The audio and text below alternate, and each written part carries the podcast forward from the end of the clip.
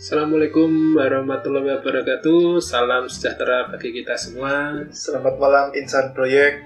Selamat malam para penyeruput kopi. Kembali lagi ya, kita ketemu lagi mas. Akhirnya setelah Satu libur, ya setelah satu tahun. Gimana nih? Kemarin liburan ke mana aja? Saya di rumah Di rumah nonton Netflix ya? ya menikmati ini masa PSBB. PSBB, PSSB, SPB, PSBB. PSBB Terpanjang. transaksi ya masih transaksi transaksi. warga negara yang baik ini sepertinya mas. Kita mengikuti protokol, tetap menjaga 3M, M yang pertama, menjaga jarak, M kedua, mencuci tangan, M yang terakhir. menggunakan masker. Tetap kita gunakan protokol demi kesehatan kita semua. Mas. Walaupun sekarang udah mulai ini, mulai vaksin sih udah mulai dikabar-kabarkan, udah mulai distribusi, tapi ingat tetap eh, tetap ingat pesan Pak Jokowi. Presiden Jokowi tadi menyampaikan kita tetap harus aware, kita tetap harus mematuhi protokol kesehatan meskipun vaksin udah mulai didistribusikan. Karena vaksin juga distribusinya nggak bisa langsung ke semua orang kan. Tapi katanya ada varian baru. Saya sebenarnya pengen varian rasa coklat. Gitu. Emang good mau kasino. ya nggak apa-apa, karena kita fire aja, kita jenuh mereka gini-gini aja, tahun baru sepi, nggak bisa ke mana-mana gitu kan. Kalau kemarin libur atau kita udah kembali ke masa rutinitas nih mas? Eh, Atau masih di dunia fana? udah kembali mas. Ini kan udah waktu-waktunya mulai kerja lagi tanggal 4 itu kan.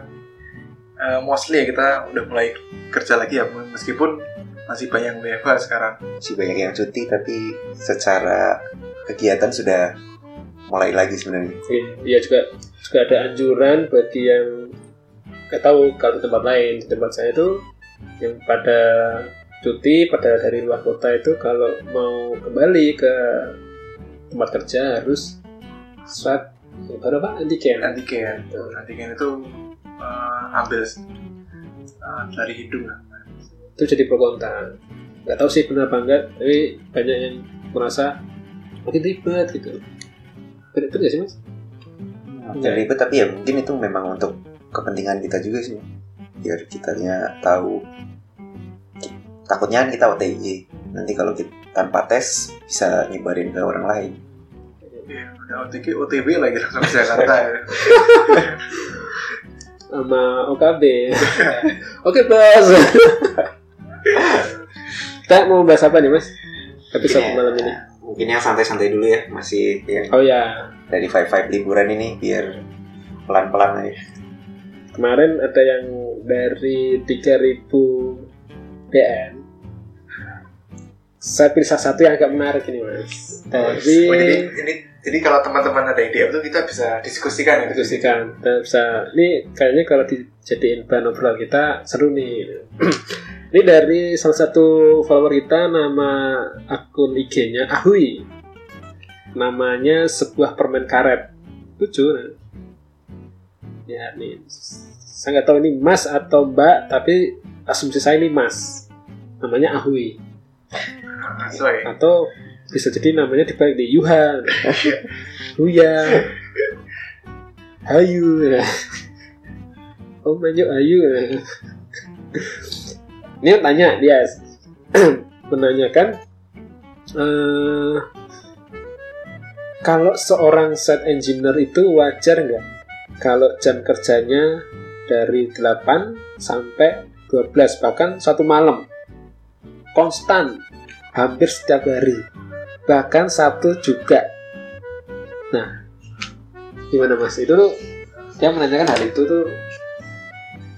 Nggak tahu ini mungkin dia masih makan atau sedang saat ini eh, baru apa? Terima kerja. Mungkin dia menanyakan hal itu. Mungkin dia mengalami kejadian seperti itu mas. Mungkin karena baru kalau lihat kata-katanya sih dia masih menanyakan level kewajaran. Jadi wajar gak sih mungkin dia baru kerja tapi kok kerjanya harus dari jam 8 pagi tadi kan nyebutin 8 pagi sampai 12 malam bahkan kadang satu jam satu malam terus mungkin paginya udah jam 8 kerja lagi ya, itu kan dia kaget juga terus menanyakan ke kita terkait wajar ya sih sebenarnya itu Kalau dijawab karena dijawab wajar, tergantung mungkin Tergantung. ya kan. mungkin beda-beda dari Beda-beda. kalau dari aku terakhir kemarin sih ini kurang sebenarnya. Kurang. Dia Wah, kan, kurang dia kan nyebut bahkan Sabtu juga kayak gitu. Padahal dulu aku minggu juga kayak gitu. Itu dia belum mengalami lah punya si Armadan iya yang itu ya. Berangkat sahabat. pagi pulang Pulang pagi. berarti dia nggak kerja. Oh, masih pagi ya nah Jadi kemarin pengalaman Ibra itu gitu. Jadi jam 8 pagi berangkat, standar lah jam 12 siang itu makan siang, satu jam istirahat. Habis itu jam 1 kerja lagi sampai jam 6. Habis itu istirahat satu jam jam 7. Nah itu kadang-kadang kita fleksibel bisa jam 10 itu udah alhamdulillah bisa pulang cepat kalau nggak jam 11 jam 11 pulang pun sampai mes juga sampai jam 12 juga paginya harus berangkat lagi jam 8 nah itu emang eh, jam kerja umum seperti itu mungkin ada penambahan jam lagi ketika uh, pekerjaan lagi puncak-puncaknya misalnya pas lagi ngecor atau pas lagi tutup buah kayak bulan seperti itu. tapi kenapa bisa sampai se, apa ya se ekstrim itu ya mas? Maksudnya emang apa yang dikerjain sih? Tukang aja cuma kerjanya dari jam berapa jam lima sore. Padahal saya engineer emang bukan tukang? Enggak kan mas. Atau dia mah merangkap jadi tukang ya Nah ini mas, ini kembali lagi ke sistem ya. Mungkin kalau dari aku seperti itu, mungkin dari Mas Indra mungkin beda lagi. Kita bisa sharing dulu Mas Indra. nah kalau aku nih sharing dari pengalaman pribadi mungkin kalau masnya pengen cari yang lebih santai itu itu mungkin tadi dari pengalaman di kontraktor ya mas Ya, mungkin mas, kalau pengen yang lebih santai bisa jadi set engineer dari pihak MK mas kalau pengalamanku jadi MK set engineer itu jam kerjanya lebih teratur. Jadi bisa dan sekitar sehari itu ya 9-10 jam lah. Dari jam 8 sampai jam 5 atau jam 6 itu udah bisa meninggalkan kantor. Walaupun di luar itu mungkin masih akan dihubungi tentang pekerjaan tapi intinya setelah jam kerja itu sudah bisa meninggalkan proyek lah gitu. Iya, hierarkinya di atasnya lagi nih berarti. Artinya posisinya bosnya lebih Di bos lagi, di bos lagi. bawah. Mungkin berarti lebih enak lagi kalau jadi set engineer di owner. Benar. Gak kerja dia. Tapi kalau ngomongin load kerja sih emang itu sih. Eh, kalau aku sih lihatnya dari sistem ya. Mungkin eh, karena kan kontraktor tuh dituntut harus cepat. Kita ada dibatasi terhadap waktu. Sekian hari kalender harus selesai. Makanya yang bisa kita eh, press adalah waktu istirahat kita.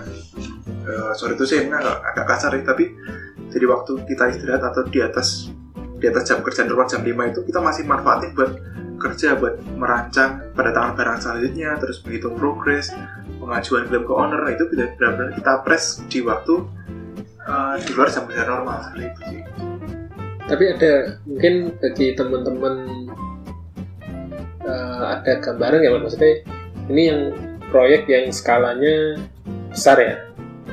ya uh, aku baca kemarin tuh terakhir 300 miliar lah ke miliar. Jadi mungkin ada yang wah kemarin aku biasa aja saat engineer. Mungkin ada yang merasa seperti itu.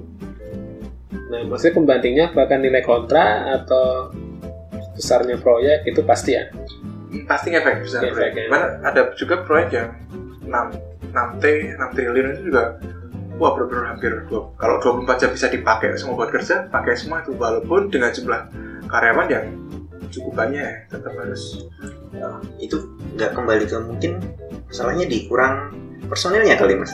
Ya juga ya? Nah kontraktor kan eh, agak ya pedang dua mata sih di situ. Jika kita menambah personil kan mungkin load kerjanya bisa dikurangi. Tapi di sisi lain akan menambah biaya overhead overhead itu biaya penggajian biaya mes biaya cuti dan karyawan. Dan itu sebenarnya cukup cukup bengkak menambah biaya personil eh, dibandingkan total usulan proyek. Misalnya alokasi kita rencana tuh BTL atau biaya tidak langsung itu cuma 10% tapi dengan penambahan orang orang tadi itu bisa bengkak hingga sampai 13 sampai 15 persen. Nah daripada kita nambah sekian persen, mending orang yang udah ada itu dipres. Kadang-kadang mindsetnya seperti itu. Itu mindset siapa? Mindset mindset Jangan pikirin. Mungkin buat Mas eh, Ahwi, Mas Ahwi atau sebuah permen karet, jika merasa apa nih di press Press. press balik mas ini kita saran kita seperti itu nah tadi mas satu lagi pertanyaan dua mata pisau Iya. ya kan Eh, ada nggak sih pedoman semisal set engineer yang dibutuhkan satu orang dua orang tiga orang itu seiring dengan jumlah nilai kontraknya? 500 m set engineer satu. satu T set engineer satu. dua T masa tetap satu set engineer gitu? Ada nggak sih Ah. ukurnya gitu Kalau ukuran itu sebenarnya lebih ke ini sih, lebih ke ya tadi itu misalnya kan BTL 10%. 10% komponen biaya tidak langsung itu biaya untuk overhead dan over misalnya overhead kan gaji, terus biaya mes, biaya makan itu berapa persen, nah itu bisa jadi uh, bisa jadi di- dihitung kira-kira kita bisa punya slot personel berapa. Nah dari dari 10% tadi ya biaya BTL, mungkin sekian persennya adalah biaya overhead. Uh, nah itu yang jadi patokan. Nanti kita bisa mengalokasikan mengalokasikan berapa personil. Nah berapa personil itu yang akan dirinci lagi nih? Orang teknik berapa orang lapangan berapa terus OB berapa gitu. Mungkin balik lagi pertanyaan ada itu ada pengaruhnya antara di perusahaan yang milik negara dengan swasta nggak ya mas kira-kira? Iya pasti ada sebenarnya. Tapi lebih ke sistem sih mungkin ada sih mas Sebenarnya Ya, karena ada kalau dari sharing dari proyek yang pernah saya ikuti ini salah satu proyek bangunan tinggi lah ya nah itu kan? saya- Ya, high rise ya. building. dan pasti kan kalau high rise nilainya lumayan lah ya cukup besar itu kalau yang saya lihat kontraktornya swasta site engineer-nya masih bisa tuh mas mengikuti jam kerja seperti biasa jadi mereka datang jam 8 pulang sekitar jam 6 jam 7 setelah itu udah. Walaupun masih dihubungi tentang pekerjaan tapi mereka bisa meninggalkan lokasi proyek. Lokasi bisa ya. Iya. Itu yang memang- standby lama di proyek itu memang pelaksana sih kebanyakan. Kalau set engineer-nya masih bisa mengikuti jam jam Kantor. saya juga ya kita ada satu kontraktor asing tiga huruf ada warna segitiga hijau itu dia selalu bilang jam 5 udah pulang. Enak banget dalam hati. Emang bisa gitu. Mungkin nggak ngerti ya belum pernah melihat langsung teman-teman yang di kontraktor Kontraktor tiga huruf asing itu. Tapi memang kalau dari ini sih memang kalau yang aku lihat ada kecenderungan kalau yang asing itu lebih menghargai jam kerja mas kayak apa kalau malam nggak ada yang kerja jadi benar 8 jam kerja termasuk orang di lapangan kalau di lapangan biasanya mereka sistemnya lebih ke shift jadi mas Oh, oke oke. Tapi tetap tetap ada yang Tetap ada yang- standby tapi ya itu ada yang shift malam gitu. Oh, jadi emang beda misalnya di aku tadi kan aku lebih kontraktor kontraktor pemerintahan. Di Mas Indra tadi kontraktor swasta. Itu nah ternyata sistem dan jam kerjanya pun beda. Jadi kalau ngomongin apa benar site engineer itu wajar bekerja jam 8 sampai jam 12 malam jawabannya adalah tergantung Tergantung. tergantung ya Berarti tergantung siapa ini? Tergantung siapa. tergantung proyeknya atau instansi perusahaannya dan lingkungan semuanya kan semuanya. semuanya ber- terpengaruh sih Berpengaruh. ada faktor juga jadi artinya nggak bisa pukul rata pasti jam segitu Tahu saya sih memang seringnya aku lihat itu eh, anak di tempat di situ. Biasanya yang set engine ini di melalui jalur rekrutmen MT kan misalnya. ya? Ada yang seperti itu. Ini bayangannya mungkin kelas kontraktor BUMN ya. Bukan kontraktor lokal. Nah, mulai jalur MT terus banyak dikasih job desk dari manajernya sehingga terasa eh, new pengalaman kan pengalaman baru ya itu mungkin lebih ke banyak dijejali tugas-tugas dengan tujuan bahwa kalau kamu belajar cepat nanti cepat bisa cepat jadi manajer nah, targetnya seperti itu atau Kalau belum resign duluan ya. kalau bisa ya atau limpahan pekerjaan atau senioritas ya. Jadi ambil kesimpulan bahwa tergantung jawabannya. tergantung oh, sangat tergantung Tapi kalau jika pribadinya memang benar, saya suka, memang suka kerja sampai malam kok. Daripada saya nanti clubbing, saya nanti mau apa? Diskotik ini saya kerja di proyek kan? nggak masalah Nggak masalah kan? nggak masalah Tergantung orangnya juga berarti. Tergantung. Saya suka mencari ilmu, suka berwawasan, nambah-nambah itu, mengamati orang masang besi. Mungkin jadi jadi bisa juga jadi kalau misalnya kerjanya cuma sampai jam 5 tapi dia tetap uh, saya sebagai set engineer tapi ke lapangan ketemu mandor ketemu tukang itu kan juga nambah ketemu ilmu aplikatifnya juga Apalagi untuk yang mungkin baru-baru lulus, baru kerja, baru pertama kerja, passion. manfaatkan lah ya. Ya. daripada pulang terus misalnya dia perantauan di mes diam sendiri di pojokan gitu ya main sabun kan mana bayar oh, Main sabun mandi. mandi keringat kan Ya, mungkin seperti itu. emang sering gini mas. Kalau tadi ngomongin MT yang baru kerja terus dia dijejeli job desk job desk yang cenderung administratif atau perhitungan struktur. Ya tapi dia tuh kurang paham lapangan tuh dia ngapain. Masang besi gimana terus komponen misalnya scaffolding itu apa aja ada mainframe new head itu berarti masa-masa titik ini ya orang kalau jatuh ya jatuh resign kalau berhasil melewati fase itu ya dia berkembang Berkembang. Gitu. ya atau berkembang biak Itu lagi ditanyain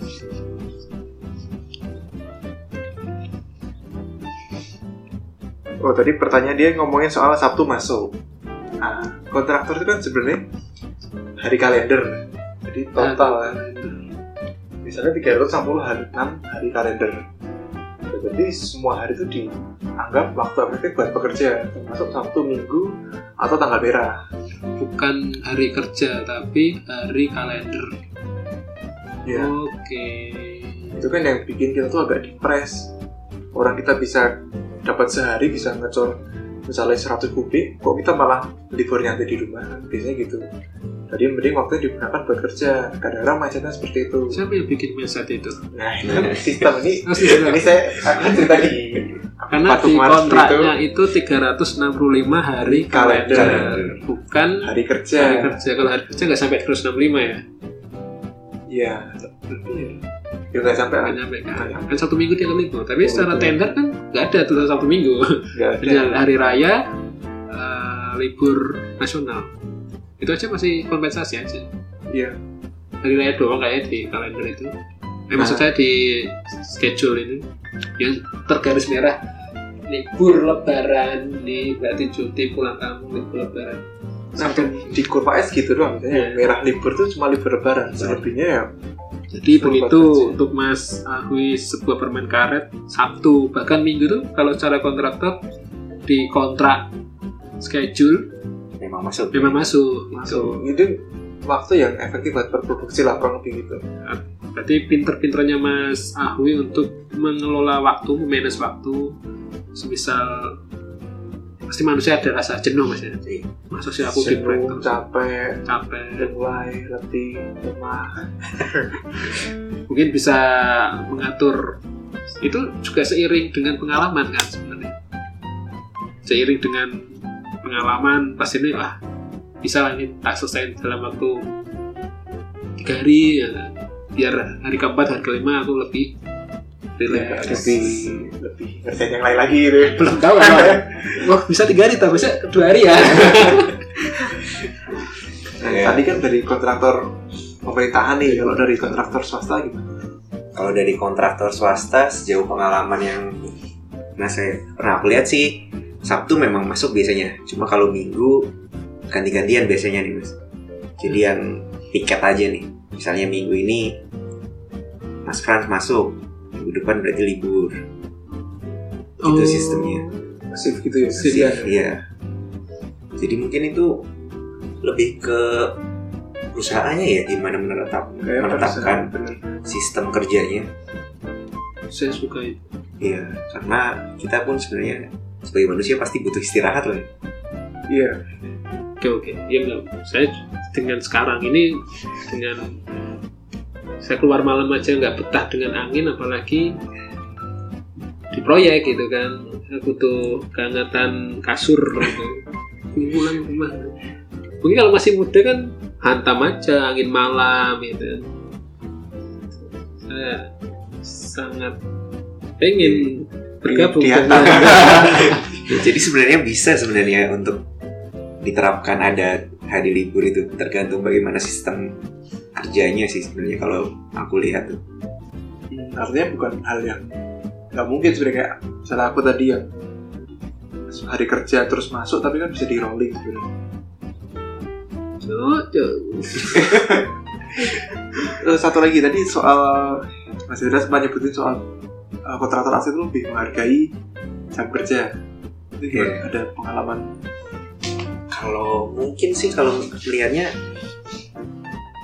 mungkin mereka ya itu budaya ya mungkin balik ke budaya dari negara mereka jadi mereka benar-benar menghargai tenaga kerja jadi jam kerja tuh benar-benar mengerti regulasinya di negara kita ya. Iya termasuk itu juga dan mereka berpikirnya lebih baik 8 jam tapi 8 jam itu produktif daripada misalnya 24 jam, 24 jam tapi sebenarnya yang produktif cuma 3 jam. ya Setuju, 4 jam 3 jam ya. Iya. Kadang-kadang emang termindset gitu, bawah, sadar lah. Kalau misalnya aku masuk pagi, siang, udah agak capek, ah, nantilah kerjanya jam jam 8, jam 9 kan masih bisa kerja juga. Jadi malah sore nggak efektif kerja kadang-kadang gitu. Ini acak-acakan ya jam. Jangan Iya. karena kan nanti, ah, kita kan masih bisa kerja nanti malam moodnya dulu. bisa juga ya kita udah capek hari ini jadi besok kerjanya jadi juga nggak fokus kan jadi yang efektif tuh sebenarnya cuma setengah setengah hari gitu Setengah hari. Ya, itu dibantu juga dari ya benar sih kalau tadi kan dikatakan bahwa kalau dari asing mungkin reg- regulasi yang diterapkan dari pemerintah lebih ketat juga kalau ke perusahaan asing Biasanya gitu sih. Oh dulu ada cerita nih dari teman yang pernah kerja di kontraktor asing. Itu nggak salah kalau hari Sabtu masuk itu dia penggajiannya dikali dua. Per jamnya dikali dua. Sering denger itu. Jadi denger ya. Kalau hari Minggu masuk dikali empat. Oh, empat. Makanya emang penghargaan terhadap kinerja itu lebih lebih tinggi. Dan itu juga fair kalau misalnya hari Sabtu nggak ada kerjaan ya disuruh pulang kalau masuk. Udah, udah pulang istirahat di rumah atau ya refreshing lah daripada masuk kerja kayak begitu cuma nambah-nambahin biaya gitu. Tapi juga ini dari dengarnya ya. Yes. Atau valid apa enggak. Selama tidak ada eh, apa campur tangan oknum ada satu satu cerita no. kok kenapa di negara ini ada pada libur semua nggak tahu kalau ini hari Jumat Oke. Jumatan. Kasih izin lah Jumatan. Oh oke oke. Ibadah. Nih. ada lagi. Where the people? Mana orang kan pulang kampung? Libur lagi. Jadi muncul pertanyaan "Oh, ternyata di sini banyak liburnya.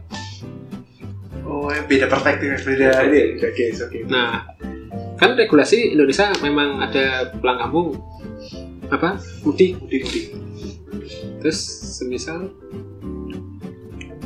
kita nggak tahu nyebutnya oknum atau apa mempengaruhi ini udah nggak apa-apa pak semisal eh, tes covid tes swab atau tes rapid kalau mungkin ada yang positif kan harusnya Lockdown semua tuh. dan atau Satu apa kan proyek harus dites semua. Tapi mungkin kan ada apa ya biasanya kompor atau mungkin "Ah, pak nggak apa-apa oh nggak apa-apa nanti kalau saya ketangkap gimana atau ada yang lapor gimana apa bahasa ini tuh apa Kasih pelicin lah ya. Wah, tutup mulut, tutup mulut. itu kan juga hal yang berbahaya sebenarnya Iya, kalau itu mungkin oknum ya. Nah, kita Ada kita oknum. ini bukan ucapanku sih tapi ada yang bercerita seperti itu mungkin beberapa di lapangan ada yang memang seperti itu kejadian. Mungkin Tapi artinya itu oknum dan harus- harusnya yang diperbaiki adalah pengawasannya lebih membela ke adil lah ya Iya, iya. ke perusahaan dia ke pekerja, bekerja iya. juga iya. Mungkin cari jalan tengahnya lah ya. ke kalau ada peng- ada pengalaman kemarin di proyek tetangga itu di Kalimantan dia ketahuan pas akhir tahun 10% ternyata satu proyek itu positif covid Iya. Itu karena satu satu orang pekerja kecelakaan. Nah pas kecelakaan itu dibawa ke rumah sakit terus dites di situ. Nah pas itu ketahuan saat covid. Nah satu proyek dites semua ternyata 10 persennya positif. Tetap kerja? Tetap kerja. Kerja kerja Kerja. kerja. Tapi memang kembali lagi kalau karena covid ini karena efeknya luas jadi susah juga sih mencari Kita- jalan tengahnya gitu. kita membela para pekerja kasihan pemilik modal kan membela pemilik modal Kasihan kasihan pekerjanya. pekerja. memang protokol tadi emang harus diprioritaskan walaupun efektivitasnya kan masih belum tersedia juga tapi minimal kita udah berusaha mengurangi saya sebenarnya lebih setuju kalau bukan 3M 4M M yang terakhir menjaga imun kita itu. Dan iman. Amin. Amin. Karena imun membuat kita happy senang dan mungkin virus-virus tuh semoga kebal kabur gitu. Kita Insya meningkatkan Allah, endorfin kita ya. Kayak di film-film itu disobek dikit langsung sembuh. Film yang baru hits Sweet Home. Oh gitu dia kena bacok itu langsung cepat sembuh mas. Karena happy. Karena dia happy. Oke. Oke kayak udah cukup menarik tadi sekilas tentang eh, seorang set engineer itu jam kerjanya overload. Wajar atau tidak. Dan kita udah memberikan sedikit lah pemahaman berdasarkan pengalaman kita mas. Sharing ya. Sharing dari kita aja dengan beberapa sudut pandang ya. Jadi nggak cuma dari kontraktor pemerintahan tapi swasta dan ada sebagian kontraktor asing yang dibahas tadi. Mungkin saran aja buat penanya ini. Manfaatkan aja dulu ini waktu. Kalau memang jam kerjanya banyak manfaatkan untuk belajar untuk mengembangkan diri. Kalau sudah merasa cari bisa cari yang lebih baik iya. Ya. Emang itu juga kan itu. Kita terus bekerja itu buat pengembangan diri. Kalau bekerja udah mentok merasa nggak berkembang ya mungkin saatnya kita cari kolam yang baru lah buat berkembang. Guru saya waktu STM tuh ngomong gini jual jenang atau jual jeneng? Yang bener jual jenang dulu. Jual jawil. Nah, siapa jawab gurunya. Karena ketika kita sudah menjual jeneng sudah lama nih. Nama jenang datang tapi kalau jual jenang ya siapa yang jual jenang? Nama nggak ada. Oh intinya berarti kita mau membangun reputasi membangun dengan reputasi Ah, kita. baru jual jenang. Baru kita bahas jenang. Saya nggak mau jenang bapak saya mau jenang jadi eh, jadi kesimpulannya daripada di kontraktor jadi set engineer mending jualan jenang. Oke, eh, untuk akhir kita akhiri episode ini jika kita ada salah kata atau salah pengucapan kita mohon maaf karena kita di sini untuk sharing pengalaman dan knowledge kita pada teman-teman. Dan jika para teman-teman yang pengen nanya atau pengen berkonsultasi bukan konsultasi ya sharing, Sharing, sharing atau ngajak diskusi lah kita open buat itu. Di mana mas? Nanti bisa di add coffee sipil di IG kami. Bisa juga DM atau komen di situ nanti bisa kita diskusikan lagi di sini. Ya langsung aja follow sekarang share podcast kita juga. Oke, kita akhiri eh, podcast malam ini. Assalamualaikum warahmatullahi wabarakatuh.